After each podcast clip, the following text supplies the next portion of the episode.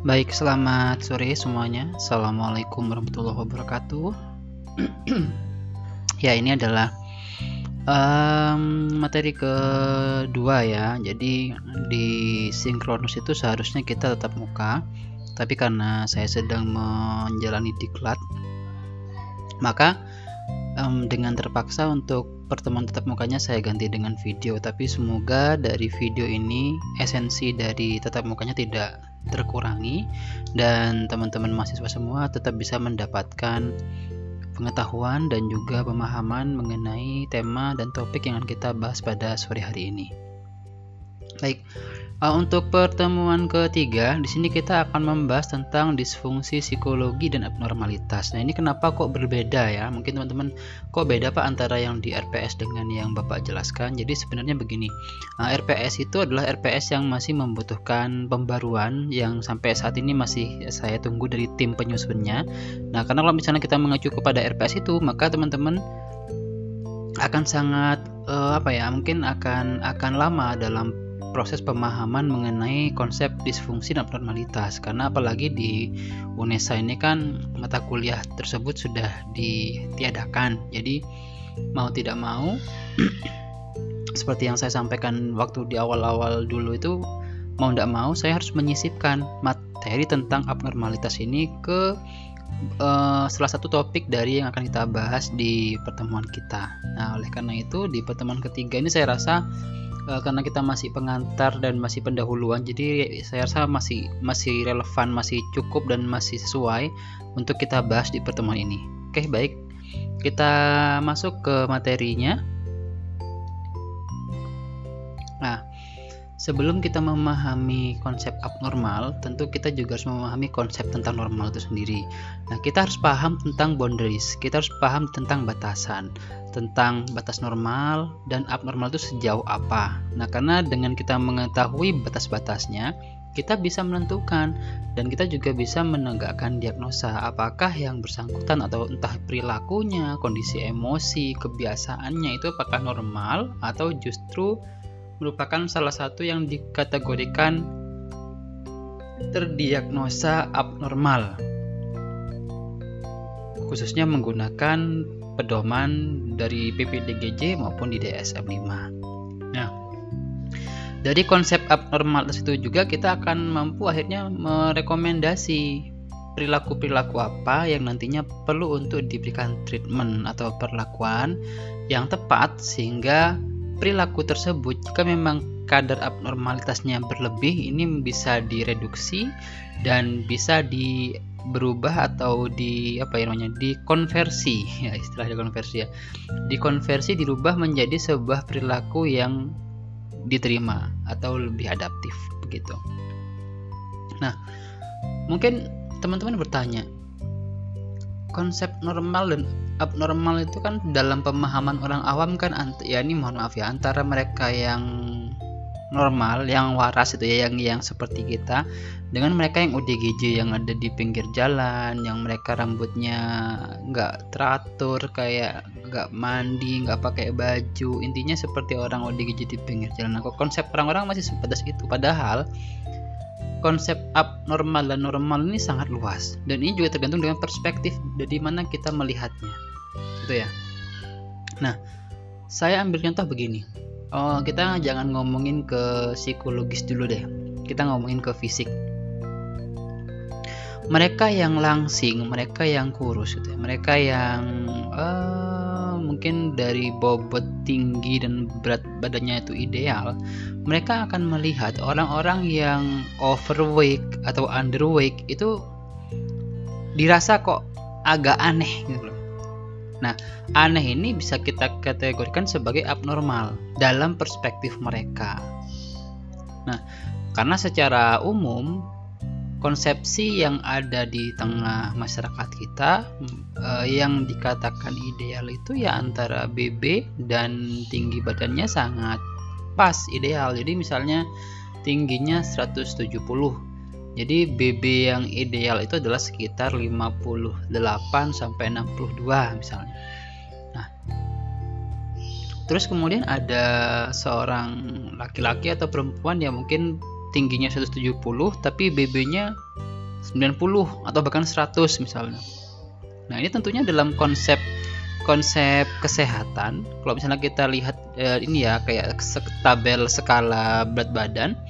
Nah, tentunya saat berat badan itu melebihi dari konsep ideal yang ada, maka itu dikatakan abnormal atau berbeda atau justru bisa bisa di, bisa dikatakan kalau dalam istilah medisnya berkecenderungan menimbulkan penyakit. Ya enggak? Karena kalau misalnya uh, apa namanya ya, bukan stigma tapi memang kenyataannya mereka yang memiliki overweight itu rentan terhadap penyakit-penyakit misalnya seperti diabetes atau mungkin da, apa, um, tekanan darah yang tinggi uh, kemudian juga kalau di jantung itu apa? Jantung koroner misalnya. Dan penyakit-penyakit yang lain. Jadi saat seseorang itu berada di luar atau di apa ya di area yang bukan dikatakan area normalnya suatu konsep maka dia dikatakan abnormal. Sama seperti di psikologi. Orang dikatakan normal jika apa? Nah kuncinya ada tiga hal yang perlu kita pahami bersama dikatakan normal jika secara kognitif emosi dan juga relasi dia dapat diterima oleh masyarakat di sekitarnya. Nah, kita menggunakan ukuran masyarakat. Kenapa? Karena masyarakatlah yang menjadi uh, penilai dari sesama manusianya. Kan manusia itu kan kita kan mempelajari manusia ya. Jadi yang menjadi ya sehingga yang menjadi tolok ukurnya adalah sesama manusia. Nah, sehingga kalau di tengah-tengah masyarakat atau di tengah-tengah lingkungan kita, kita dicap aneh oleh mereka berarti ada sesuatu yang nggak normal di dalam diri ini ada something yang ya gak sama dibandingkan dengan orang-orang yang lain misalnya kalau di lingkungan sekitar orang-orangnya pada guyup terus juga pada kalau ketemu senyum kemudian sering menyapa. Nah ini kalau lewat disenyumi nggak pernah balas senyum terus juga nggak pernah kumpul dia menyendiri nggak mau berbau dengan masyarakat. Nah akhirnya kan dianggap aneh oleh orang-orang ini. Kenapa? Akhirnya nanti malah menimbulkan kecurigaan dan lain sebagainya. Nah itulah kenapa konsep abnormal ini penting kita pahami bersama. Nah Eh, teman-teman mungkin untuk membantu ya untuk membantu pemahaman terkait dengan konsep abnormal itu saya uh, akan rekomendasikan satu buku yang teman-teman bisa pelajari bisa di telaah gitu ya. Adalah buku psikologi abnormal yang ditulis oleh Jeffrey Nevitt, Spencer Ratus dan Beverly Green. Nah, buku psikologi abnormal ini banyak kok di uh, marketplace. Teman-teman semua bisa coba cari. Barangkali lagi ada budget berlebih gitu ya. Jadi silahkan dibeli karena saya rasa nggak akan rugi. Teman-teman bisa menambah wawasan bisa menambah uh, pengetahuan juga apalagi teman-teman yang mungkin nantinya akan berkecimpung atau mungkin memilih uh, rumpun klinis sebagai peminatannya nah, itu akan sangat berguna sekali. Oke saya ya. Kemudian nah ini untuk definisi. Nah tentu kita namanya namanya apa ya namanya kita adalah kaum akademisi maka dalam menerjemahkan atau memaknai sesuatu, kita perlu mengacu kepada yang namanya definisi. Nah, definisi inilah yang akan membantu kita untuk memahami dengan tepat entah itu fenomena, entah itu sebuah situasi, entah itu sebuah apa ya, sebuah kondisi yang bisa kita telaah dari kacamata psikologi. Nah, pada pertemuan ini maka kita coba pahami tentang definisi dari normalitas dari sudut pandang psikologi itu ya. Nah, secara umum memang dikatakan normal jika fungsi-fungsi mental dalam diri seseorang itu dapat berfungsi secara akurat dan efisien. Nah, fungsi-fungsi mental itu apa, Pak? Dan apa saja? Nah, fungsi-fungsi mental itu adalah um, apa ya? Men, apa ya? Mungkin saya mencoba mencari definisi ininya definisi definisi konseptual jadi uh, fungsi mental itu lebih kepada aspek-aspek dalam diri pribadi kita ini yang memungkinkan kita untuk memproses setiap informasi yang kita dapatkan kemudian kita olah dan dari hasil pengolahan ini akan menjadi sebuah respon dari kita yang kita munculkan pada masyarakat atau mungkin pada lingkungan di mana kita memperoleh informasi itu. Nah, contoh di sini ada beberapa fungsi mental yang perlu kita pahami dari fungsi kognitif, perilaku, motivasi, emosi, kesadaran diri, kontrol diri, penghargaan diri, hubungan sosial, dan produktivitas. Nah, Apakah semua ini harus dikatakan akurat dan efisien, Pak? Jika uh, untuk untuk seseorang dikatakan normal, oke. Okay. Saya pernah ngomong di awal pertemuan dulu, tidak ada manusia itu yang bisa dikatakan normal 100%. Jadi normal itu bukan seperti hitam dan putih, tapi lebih seperti gradasi gitu ya jadi selama selama misal, misalnya kita kita asumsikan normal tuh warnanya biru entah e, birunya biru dongker biru langit biru laut biru agak ke kuning kuningan biru agak ke merah merahan tapi selama itu biru ya berarti memang ad, ma, memang masih bisa dikatakan dia normal gitu ya. Nah nah sama seperti sama seperti definisi ini. Jadi kognisi seseorang, pola pikirnya apakah sudah adekuat, sesuai, dan juga mampu memahami dan memproses setiap informasi dengan tepat, perilakunya bagaimana, apakah diterima masyarakat atau tidak, lalu motivasinya, apakah dia punya daya juang, ya misalnya dia kan seorang pelajar kayak teman-teman semua, apakah dia punya daya juang untuk memperjuangkan masa depannya, memperjuangkan studinya, memperjuangkan e, nasibnya ke depan melalui jenjang-jenjang pendidikan yang akan dia tempuh misalnya. Kemudian motivasi eh emosi tentang kestabilan emosi, regulasi emosinya, terkait dengan pengendalian emosi bagaimana, lalu terkait dengan kesadaran diri. Dia ada halusinasi kah, ada wahamnya, apa ada delusinya, ilusi dan lain sebagainya gitu ya. Jadi dari semua aspek-aspek ini memang diharapkan uh, kita semua bisa berfungsi secara akurat dan efisien. Meskipun ada mungkin ada beberapa ya kendala ini misalnya um, secara kognisi bagus, secara perilaku bagus, motivasi bagus, cuma emosi kadang-kadang nggak stabil misalnya. Nah teman-teman perlu tahu jadi emosi tidak stabil itu kita perlu buat kategori gitu ya. Emosi tidak stabil itu memang sudah menjadi karakter kita atau akibat dari sebuah situasi yang kita sedang hadapi. Gitu ya. Itu beda. Nah, ini misal eh, kita baru saja kehilangan seseorang yang berharga buat hidup kita, entah itu orang tua atau mungkin pasangan misalnya Nah ini membuat kita secara emosional kan nggak stabil dan memang itu hal yang wajar, itu hal yang lumrah gitu untuk dia untuk kita menangis, untuk bahkan mungkin kita harus uh, membutuhkan pelukan dari orang lain, membutuhkan rangkulan dari orang lain, bahkan mungkin kita um, sehari dua hari belum selesai berduka, bahkan mungkin sampai butuh waktu berminggu-minggu untuk sembuh lukanya misalnya. Nah itu bukan hal yang abnormal karena memang dalam situasi yang kita memang sedang kehilangan. Tapi kalau kita uh, tidak dalam fase itu, tidak dalam situasi seperti itu, terus kita merasa sedih, kita merasa histeris, kita merasa terluka. Nah ini berarti ada something wrong, ada satu yang salah gitu loh. Ya, jadi kita harus paham bahwa Fungsi-fungsi ini haruslah akurat, harus harus haruslah efisien, haruslah adekuat sesuai dengan konteks situasi yang sedang kita hadapi. Itu ya. Jadi kalau misal teman-teman misalnya di kayak tadi yang lagi yang emosional itu contohnya. Terus yang kedua misalnya di motivasi, bagian motivasi. Nah, kita sedang dalam fase kompetisi misalnya.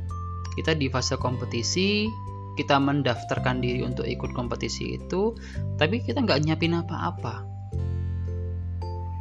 Kita punya kita punya uh, mungkin ada pemikiran yang salah atau mungkin kita terlalu percaya diri sehingga merasa pasti meskipun nggak menyiapin apa-apa pasti nanti kita goal nanti kita bisa lolos misalnya. Nah penempatan motivasi itu juga penting. Nggak bisa kita selalu mengandalkan bakat misalnya mungkin karena kita ngerasa kita anak berbakat jadinya kita nggak perlu persiapan nggak gitu juga kadang-kadang bakat itu jika tidak diasah akan kalah dengan mereka yang selalu mengupayakan yang terbaik gitu. entah mereka berbakat atau tidak selama mereka punya motivasi selama mereka punya energi selama mereka punya dorongan-dorongan untuk maju maka mereka yang berbakat ini bisa disalib gitu jadi kita juga intinya perlu mempertimbangkan aspek situasi dan konteks di mana kita berada yang sesuai dengan kondisi-kondisi fungsi mental kita. Itulah kenapa kok dikatakan akurat. Jadi akurat sesuai situasinya. Situasinya lagi happy-happy, masa kita mau nangis misalnya. Situasinya lagi nangis, masa kita mau ketawa-ketawa. Jadi kita perlu menyesuaikan dengan itu semua.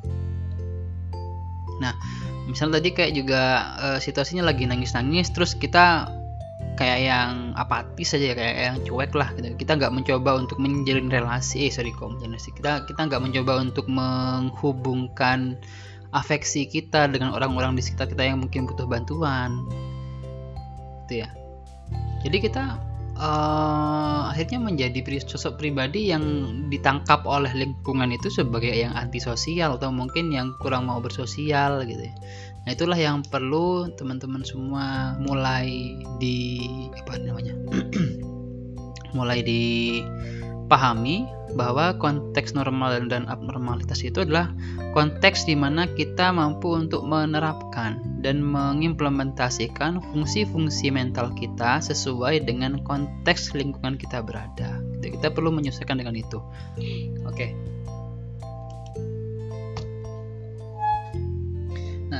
tadi yang normal sekarang kita masuk ke yang bagian abnormal nah untuk yang abnormal di sini ini saya bagi menjadi beberapa perspektif ya. Jadi kita biar bisa memiliki pemahaman yang um, bisa dikatakan cukup lengkap dari berbagai sisi.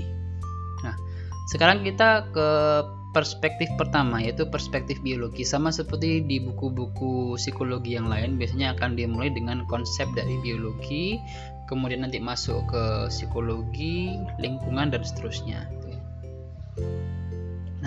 di sini saya bacakan ada Wilhelm Gracie uh, siapa sih bacanya Will Wilhelm ya Grisinger seorang dokter di Jerman menyatakan bahwa perilaku abnormal berakar pada penyakit di otak Pandangan ini mempengaruhi dokter lain di Jerman, yaitu Emil Kraepelin, yang meyakini bahwa gangguan mental berhubungan dengan penyakit fisik.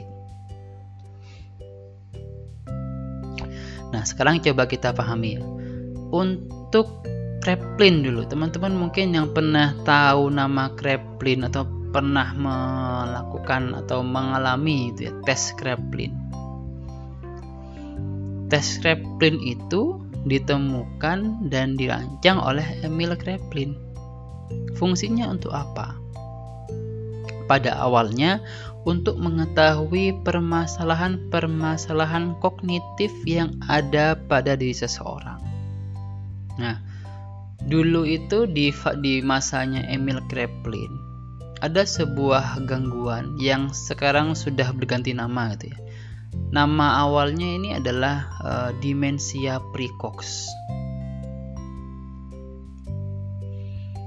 Istilah demensia precox ini sekarang sudah nggak ada lagi, tapi kita perlu tahu bahwa demensia precox ini adalah sebuah gagasan awal dari munculnya sebuah konsep gangguan psikologis yang bernama schizophrenia. Sebuah kondisi di mana demensia ini kan kemampuan fungsi otak ya, kemampuan kognitifnya. Di mana kemampuan kognitif seseorang ini terpecah. Yang menimbulkan realitas yang alternatif. Kalau misalnya bahasa bahasanya Avenger ya, kalau misalnya yang pernah nonton Avenger. Jadi kalau mereka yang mengalami demensia precox, mereka akan yang mereka akan merasakan dan mengalami suatu peristiwa yang bernama alternate reality. Mirip seperti itu. Jadi antara realita yang sekarang sedang mereka jalani, yang benar-benar sedang mereka alami, dengan realita yang ada dalam pikiran mereka bahwa mereka sedang melakukan atau sedang mengalami hal-hal yang tidak mereka alami secara nyata.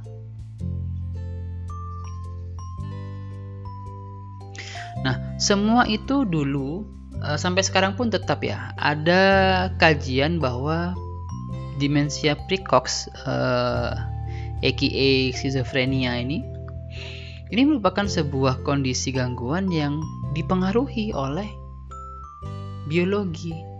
Terlepas apakah itu dipengaruhi oleh faktor kehamilan dulu waktu hamil, waktu di dalam jadin pernah mengalami satu dua hal mungkin atau mengalami adanya eh, gangguan dari fungsi genetiknya atau mungkin mengalami sebuah trauma di kepala sehingga membuat yang bersangkutan mengalami kondisi yang schizofren tadi. Nah, memang untuk yang perspektif biologis ini uh, tidak bisa kita kuantifikasikan ya dengan pasti sekian persen pengaruh dari psikologi uh, biologi itu kita nggak bisa. Hanya saja memang jika kita kaji dan kita pahami gangguan-gangguan di otak inilah yang menjadi awal dari timbulnya permasalahan secara psikologis. Oke. Baik, coba kita lanjutkan dulu. Nah, sekarang yang perspektif psikologisnya. Nah, Sigmund Freud berpikir bahwa penyebab perilaku abnormal terletak pada interaksi antara dua kekuatan, eh sorry, antara kekuatan-kekuatan dalam pikiran bawah sadar. Nah, eh, teman-teman saya rasa sudah belajar ya tentang it, ego, super ego, kemudian juga sudah belajar mungkin tentang psikoseksual dari teorinya Freud konsep-konsep neurotik, konsep-konsep kecemasan dari teori ini, ego defense mechanism misalnya juga mungkin sudah dipelajari semua di semester sebelumnya atau bahkan mungkin di semester ini ya. Nah, kita perlu tahu bahwa dalam konsep psikologi ini khususon ya, khusus untuk yang punyanya Freud. Uh, dia beranggapan bahwa permasalahan psikologis yang sekarang dihadapi itu karena adanya um, konflik internal, konflik-konflik tertentu yang kita hadapi di dunia nyata, tapi tidak mampu kita selesaikan, sehingga kemudian untuk melindungi diri ini dari kecemasan, kita mencoba melupakannya. Kita mencoba untuk menenggelamkannya ke alam bawah sadar. Contoh, teman-teman kan masih remaja ya. Mungkin uh, masih ingat dengan first love-nya siapa, cinta pertamanya siapa, atau mungkin cinta monyetnya. Nah, kemudian di fase-fase mau kuliah, barangkali mungkin ya putus misalnya mungkin putus. Hubungannya berakhir. Nah mungkin secara secara ego kita ya udah nggak apa-apa fine nggak masalah kita pisah misalnya ya. Kayak lagunya mendung tanpa udan itu. Kowe nang kanan aku nang kiri misalnya. Kita pisah oke okay, apa fine. Secara secara realit mungkin secara physically kita nggak ada masalah tapi secara internal secara secara psikis ya gejolak di dalam hati itu nggak ada yang tahu kan. Mungkin saat kita ketemu orang lain oh nggak masalah. Tapi saat kita di kamar udah habis tisu berapa kardus buat buat ngelap air mata yang mungkin bercucuran misalnya. Nah sama seperti itu. Konfliknya nggak selesai dilemanya nggak selesai. Tapi karena mungkin kita sudah capek ya kita lelah kita uh, mau mau minta balikan tapi kok uh, tapi kok apa gengsi misalnya. Atau mungkin sakit hati atau apa. Nah tapi intinya permasalahannya nggak selesai. Ada ada sebuah kondisi yang bernama unfinished business. Nggak selesai nih permasalahannya. Tapi kita mau mau selesaikan juga nggak punya nggak punya keberanian untuk menyelesaikan secara langsung. Akhirnya kita memilih untuk melupakan. Nah, melupakan ini ya seperti kita di bawah nonton misalnya.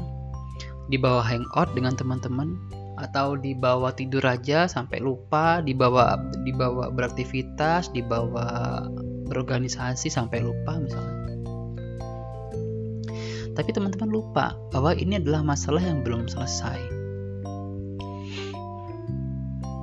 Bagaimanapun ceritanya saat masalah itu belum selesai itu teman-teman seperti membuang sebuah apa ya kayak membuang sebuah uh, sampah misalnya ya. tapi sampah ini di dalamnya tuh masih banyak entah makanan banyak sesuatu yang mungkin masih bisa digunakan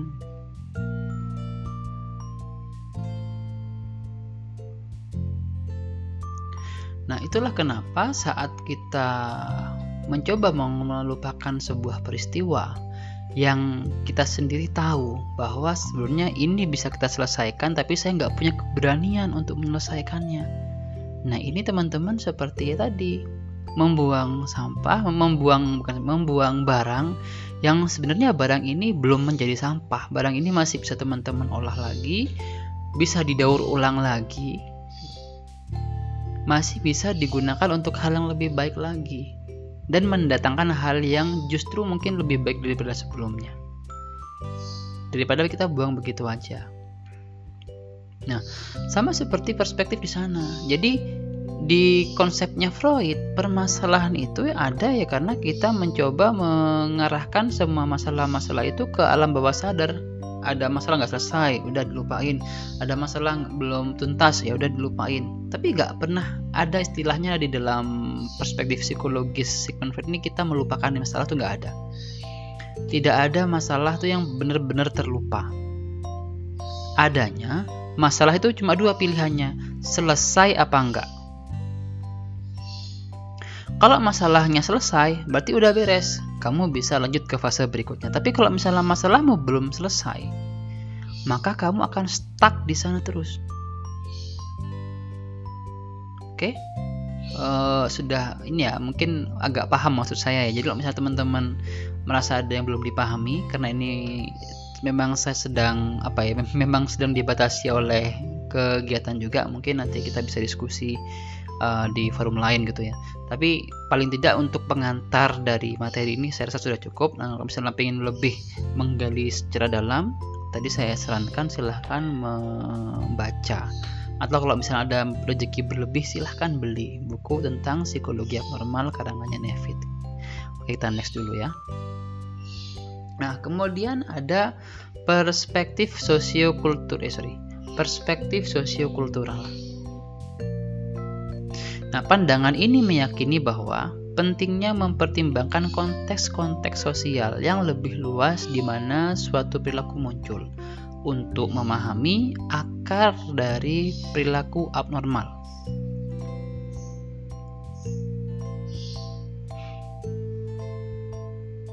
Saya di awal pertemuan pernah cerita ke teman-teman semua bahwa Kadang-kadang permasalahan psikologis itu ya disebabkan karena adanya dorongan-dorongan eksternal dari luar diri kita yang memaksa untuk memunculkan perilaku tersebut. Contoh, misalnya kita hidup di lingkungan kumuh gitu ya, kemiskinan. Nah, kemiskinan, apalagi kemiskinan yang sifatnya ini ada gap kesenjangan gitu ya antara si kaya dengan si miskin, yang kaya kaya banget, yang miskin miskin banget gitu. Ada gap, ada jealousy, ada kecemburuan di sana sehingga bisa mengarah kepada munculnya potensi. Ya saya garis bawahi ya. Munculnya potensi perilaku-perilaku yang cenderung patologi. Perilaku-perilaku yang cenderung disfungsi.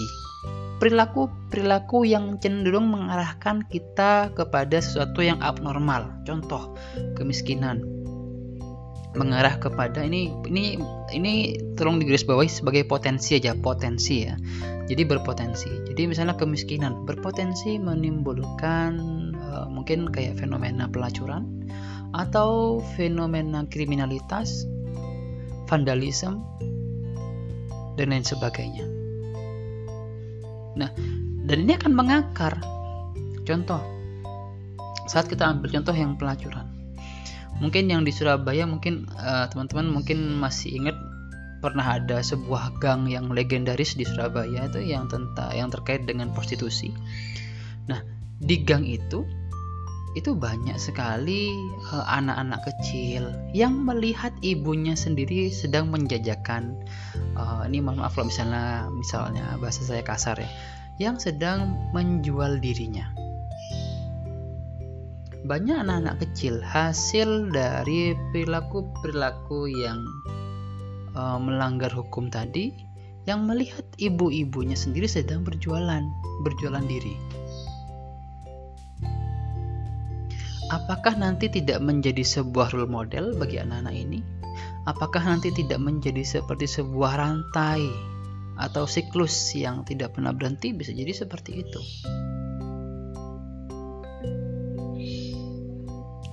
apakah nantinya akan memberikan apa namanya akan me, akan menimbulkan potensi gangguan psikologis pada anak bisa jadi dan sangat besar kemungkinannya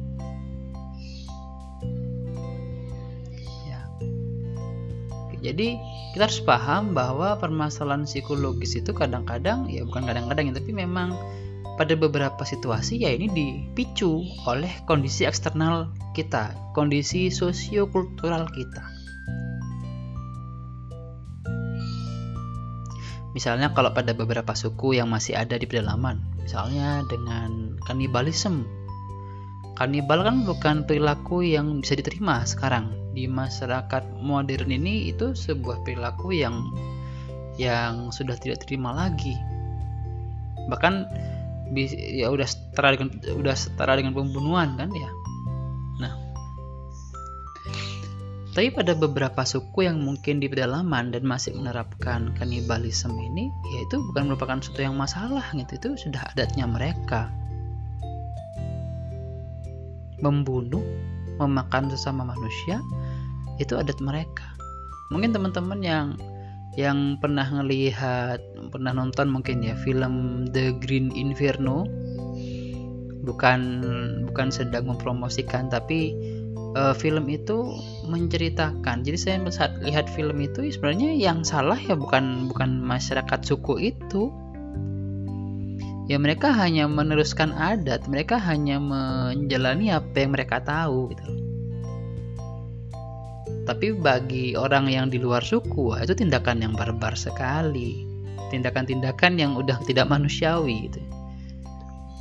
Ada sapi, ada babi misalnya misalnya mereka misalnya mereka memang kan apa? Memang memang enggak uh, masih belum mengenal agama misalnya. Ada sapi, ada babi, ada ular, ada gajah, ada harimau, kenapa kok manusia yang dimakan? Dan kenapa manusia asing gitu? maksudnya kan kalau di film itu kan bule ya mereka yang kulit putih gitu ya. Kenapa harus yang kulit putih yang dimakan? Ya saya itu mikirnya ya karena memang berbeda gitu loh mungkin mereka pengen tahu rasanya gimana bule apakah rasa stroberi coklat dan nah jadi uh, just kidding ya. Jadi uh, mungkin dari dari itu kita paham bahwa sosiokultur itu kadang-kadang mengarahkan perilaku kita kepada hal-hal yang secara konteks masyarakat itu nggak boleh atau dilarang. Itu ya. Nah itulah kenapa kembali lagi konsep abnormal dan normal ini akan disesuaikan dengan perspektif atau sudut pandang kita dalam melihat perilaku itu. oke kemudian ini adalah penyebab-penyebabnya jadi teman-teman bisa sambil dipahami nanti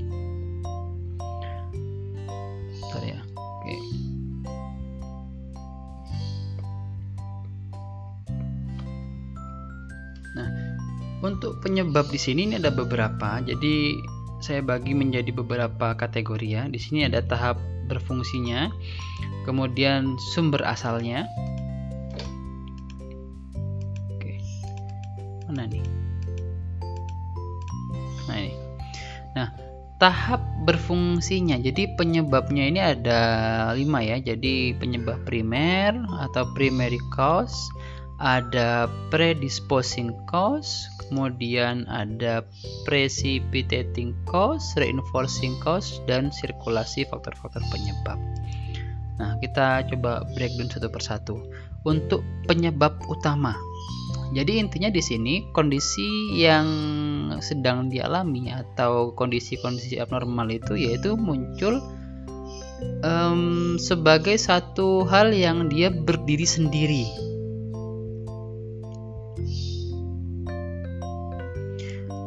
Kondisi-kondisi yang muncul ya karena memang ya memang sudah sudah sudah situasi sudah mendukung kemudian secara internal juga sudah ada potensi yaitu sudah menjadi penyebab primernya. Misal uh, kalau teman-teman baca di PPDGJ saya ambil contoh uh, ini ya retardasi mental misalnya retardasi mental itu kan artinya seorang anak yang dia akan mengalami hambatan dalam proses belajar ya. Karena secara IQ dia di bawah.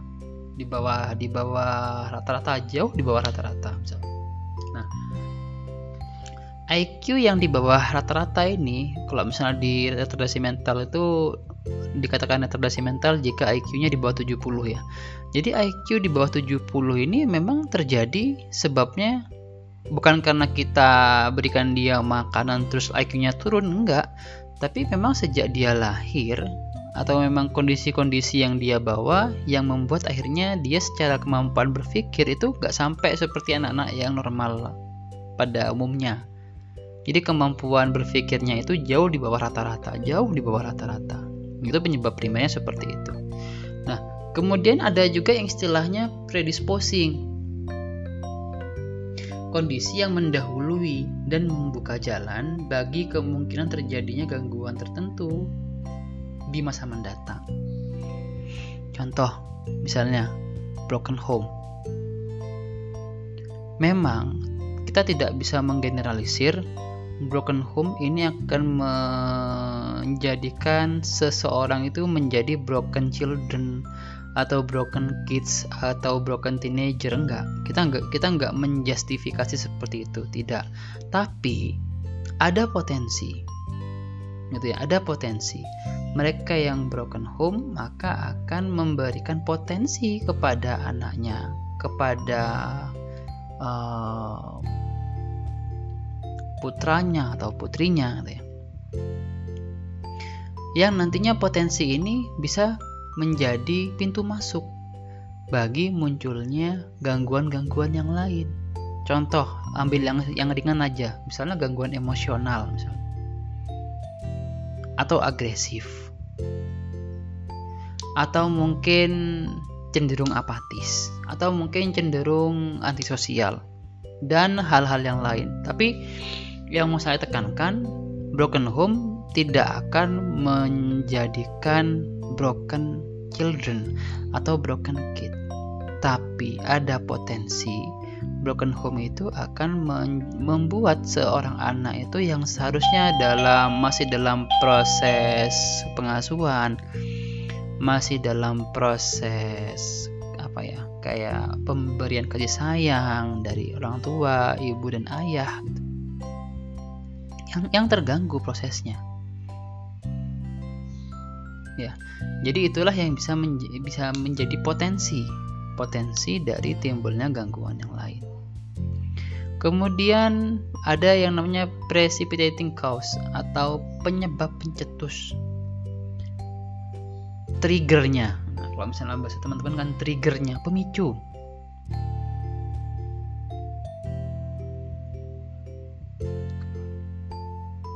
Ya. Misal, saya ambil contoh yang seragam ya jadi biar nggak bingung. Kayak tadi misalnya ada broken home. Orang tua udah broken home. Ternyata setelah uh, karena karena apa namanya namanya seseorang itu ya anak butuh kasih sayang butuh afeksi ya. Mungkin dia akhirnya mengalihkan kebutuhan rasa sayangnya ini kebutuhan afeksinya ke figur yang lain entah ke lawan jenis atau mungkin ke figur orang tua misalnya guru atau mungkin paman atau mungkin bibi. Tapi ternyata orang-orang yang dia percaya itu malah me, dalam tanda kutip ya memanfaatkan rasa kebutuhan afeksi itu untuk kepentingan pribadinya. Nah sehingga hal ini bisa memicu timbulnya gangguan atau permasalahan ke depannya. Dia udah broken home, kehilangan orang tua, kehilangan stabilitas dalam keluarganya. Kemudian dia coba untuk bangkit, dia coba untuk regain ya, memperoleh kembali apa yang hilang dengan mempercayakan lagi kepada figur-figur yang lain, tapi ternyata figur-figur yang dia jadikan tumpuan ini malah memanfaatkannya atau mungkin me memperdayanya. Nah, itulah yang bisa menjadi kondisi-kondisi yang tadi pemicu, trigger munculnya gangguan-gangguan yang lain.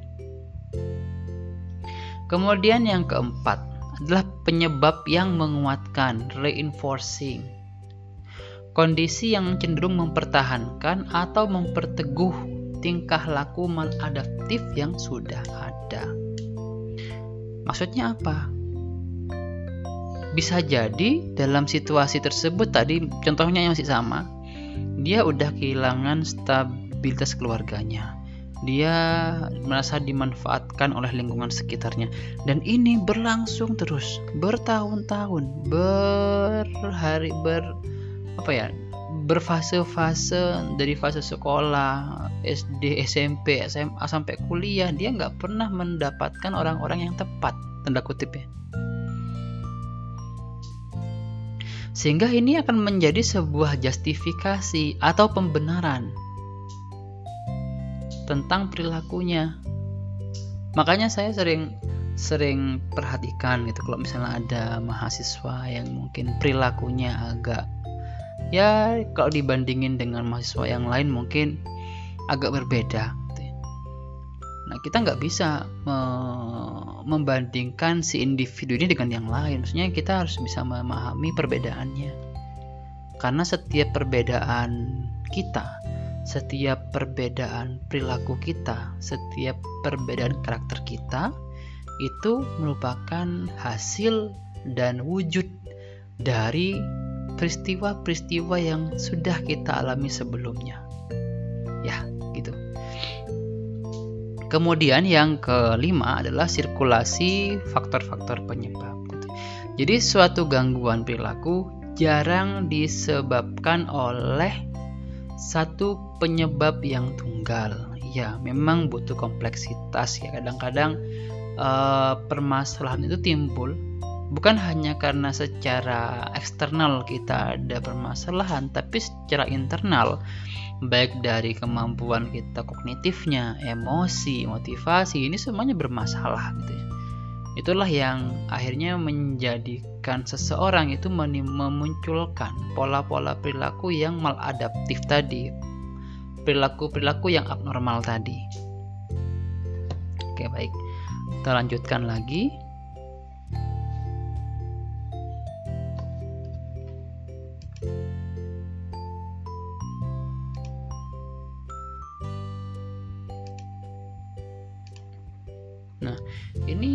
Menurut sumber asalnya. Jadi ada faktor biologis gitu ya. Misalnya kelainan gen, kurang gizi itu juga pengaruh.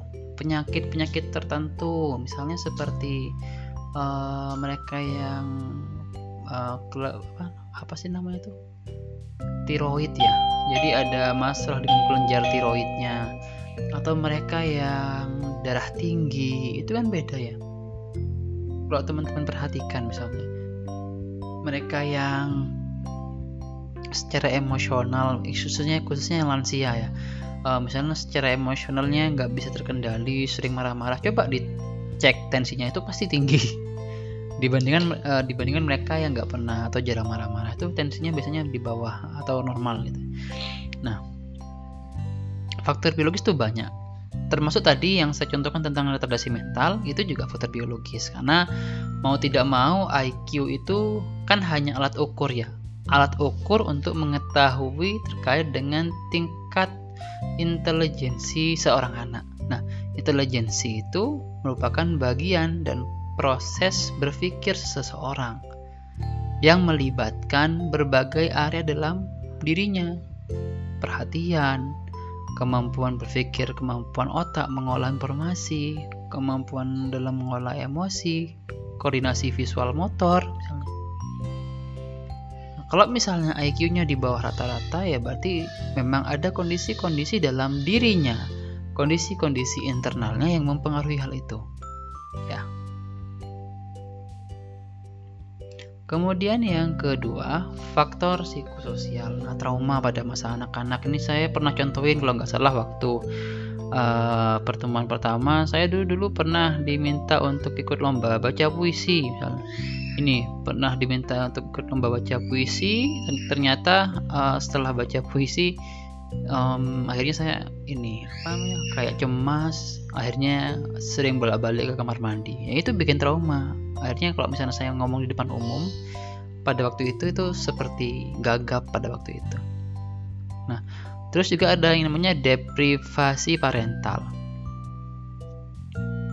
Ini misalnya orang tuanya kan kalau teman-teman belajar uh, teori teori pola asuh ya pola asuh uh, Baumrin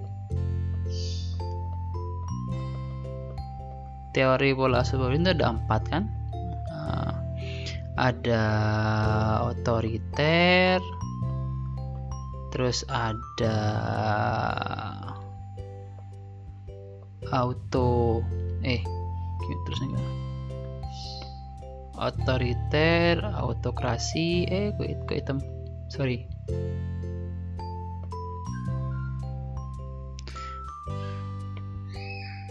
saya ini nyoba lagi lagi nyoba coret-coret jadi biar biar enak.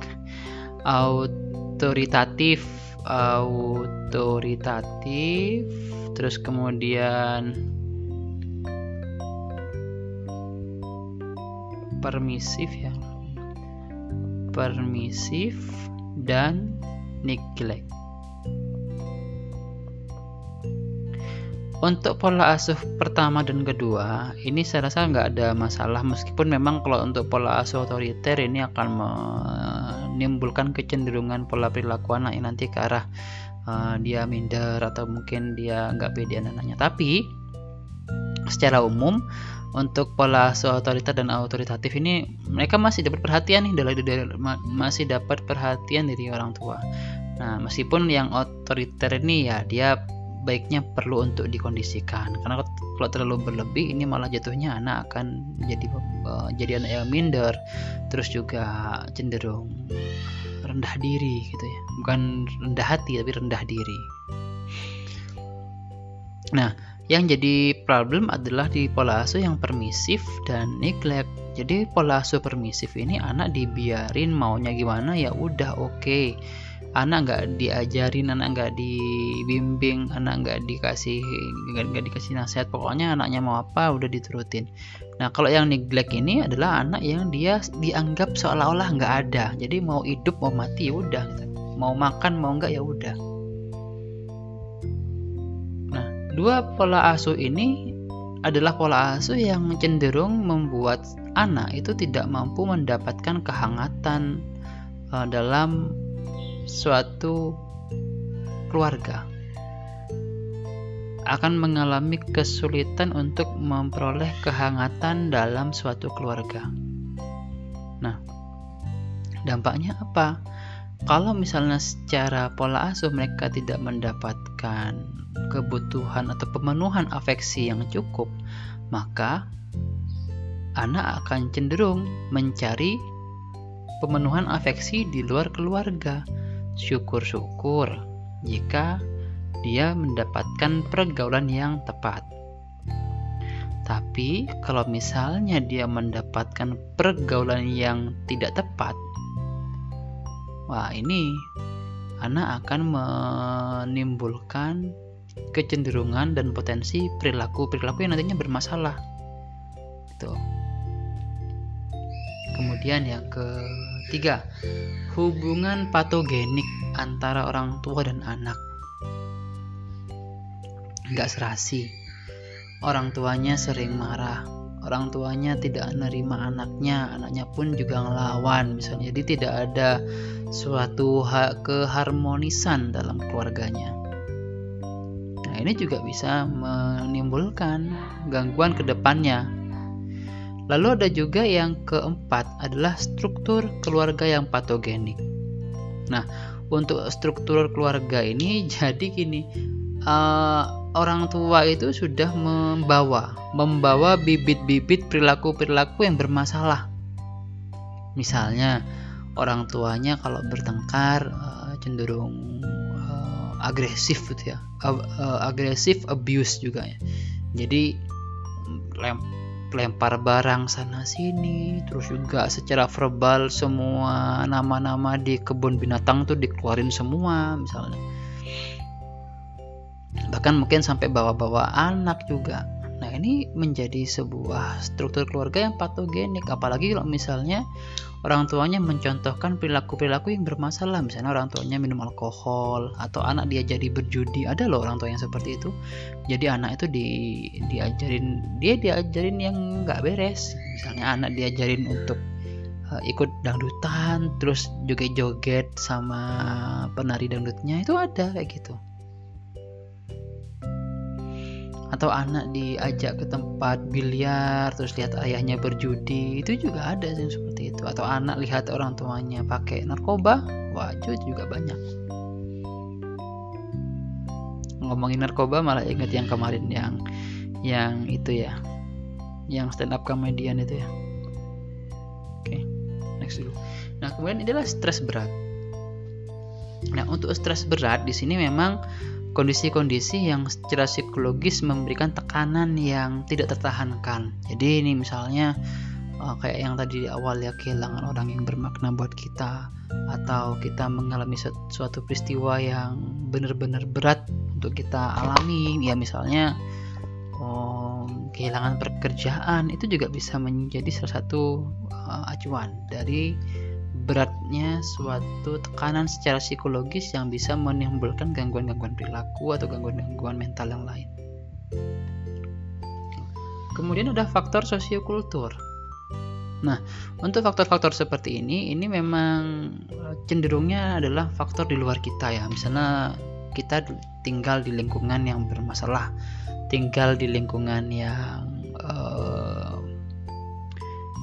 ya di sekeliling kita me memang memperlihatkan perilaku-perilaku yang tidak tepat. Misalnya kita tinggal di ya, contoh yang tadi ya kita tinggal di gang gang legendaris itu kita melihat ada perempuan bersolek terus ada ada ada laki-laki yang minum minuman keras misalnya.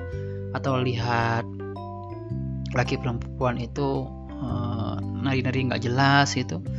Nah itu juga bukan merupakan sebuah tempat untuk bertumbuh kembang yang baik jadi kalau misalnya kita tinggal di lingkungan seperti itu, terpapar hal seperti itu, maka ada potensi kita juga akan mengembangkan pola perilaku yang bermasalah ke depannya. Nah, atau e, menjadi korban prasangka dan, dan diskriminasi. Nah, mungkin teman-teman masih ingat ya kayak e, kekerasan atau mungkin tragedi tragedi-tragedi yang pernah terjadi di Indonesia yang melibatkan konflik suku berkepanjangan, konflik agama yang berkepanjangan, yang berkepanjangan. Nah, tentunya ini kan akan membuat stres ya. Akan membuat salah satu pihak itu tertekan. Nah, dan saat seseorang tertekan dan tekanannya tidak tertahankan, maka cenderung akan mengambil jalan pintas. Ada yang bunuh diri, ada yang uh, saling bunuh-bunuhan juga. Atau ada yang minum racun. Intinya semuanya dilakukan karena sudah nggak sanggup untuk mengatasi tekanan yang ada. Dan banyak sekali contoh-contoh yang lain. Teman-teman teman-teman bisa ekspor sendiri. Nah ini adalah esensi dari kuliah kita sore hari ini. Jadi klasifikasi perilaku abnormal. Nah, perilaku abnormal ya, tak sebu itu merupakan sebuah perilaku yang berkebalikan dengan perilaku yang normal. Nah, perilaku abnormal itu biasanya didasari oleh adanya gejala-gejala dalam tanda kutip ya, gejala-gejala patologi atau gejala-gejala gangguan mental atau gejala-gejala sakit mental. Nah, di sini ada contohnya, ada gangguan kecemasan ansietas, ada tipe agorafobia, gangguan panik, kecemasan, fobia spesifik, fobia sel dan seterusnya. Kemudian PTSD, gangguan stres akut. PTSD ini eh, post traumatic syndrome disorder atau biasanya sebuah gangguan yang dialami oleh seseorang yang mengalami sebuah peristiwa traumatik yang sangat berat. Contoh misalnya apa perkosaan. Itu contohnya PTSD gitu atau korban peperangan. Atau mungkin kayak yang lagi hot itu di Taliban gitu ya. Uh, tentang orang-orang yang dia berebut untuk naik pesawat ke Amerika bahkan ada yang sampai jatuh dari pesawatnya mungkin karena sudah sudah hopeless dan ingin keluar dari negara itu akhirnya dengan nekatnya dia nggak masuk ke dalam kabin karena udah penuh mungkin ya dia berpegangan di badan pesawat. Ya pastinya akan ya jatuh karena dia uh, ya beres-beres ya kan, kan karena dia dipegangan di badan pesawat. Sama kalau kita lagi di jalan tol kita nggak di dalam mobil tapi kita di atas nyakap mobil misalnya.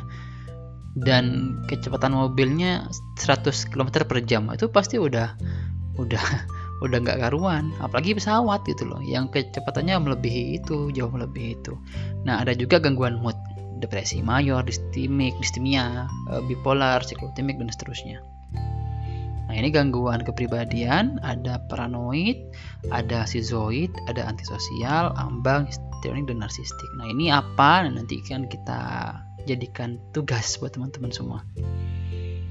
Ini gangguan makan, ya ada uh, anoreksia, ada bulimia. Jadi ada gangguan yang dia itu memuntahkan makanannya.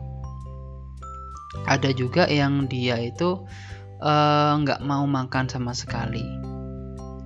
Ada juga mereka yang karena saking mungkin pengaruh dari stres ya, jadi makan terus itu namanya bingi. Ada gangguan identitas gender, ada schizophrenia tadi yang saya jelaskan.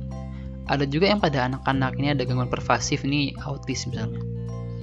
Ya, autis, ADHD, retardasi mental, gangguan komunikasi. Gangguan-gangguan yang tadi itu merupakan bagian dari klasifikasi yang perlu kita pahami. Nah, karena setelah kita memahami klasifikasi itu, kita perlu melakukan sebuah proses diagnosa. Meskipun memang untuk ranah S1 belum, iya. Untuk S1 belum, belum boleh, tapi teman-teman juga perlu belajar. Nah, teman-teman teman-teman perlu belajar tentang klasifikasinya.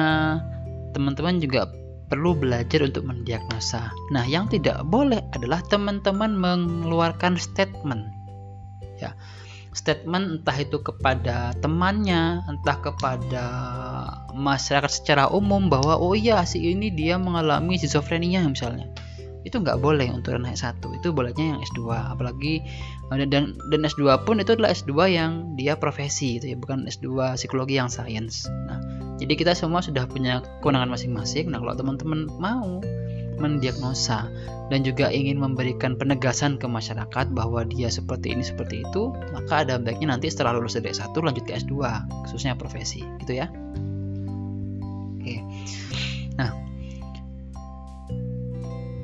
Uh, diagnosa ini perlu perlu untuk kita lakukan agar nantinya kita bisa merencanakan atau merancang tindakan-tindakan yang tepat untuk mengantisipasi bahkan mungkin mengobati dan memulihkan perilaku dari yang bersangkutan. Karena dengan adanya diagnosa kita ada empat keuntungan di sini. Yang pertama adalah kita bisa membuka komunikasi dengan pakar dan tokoh yang lain. Gitu ya. Kita juga bisa mengembangkan ini sebagai sebuah riset ke depannya.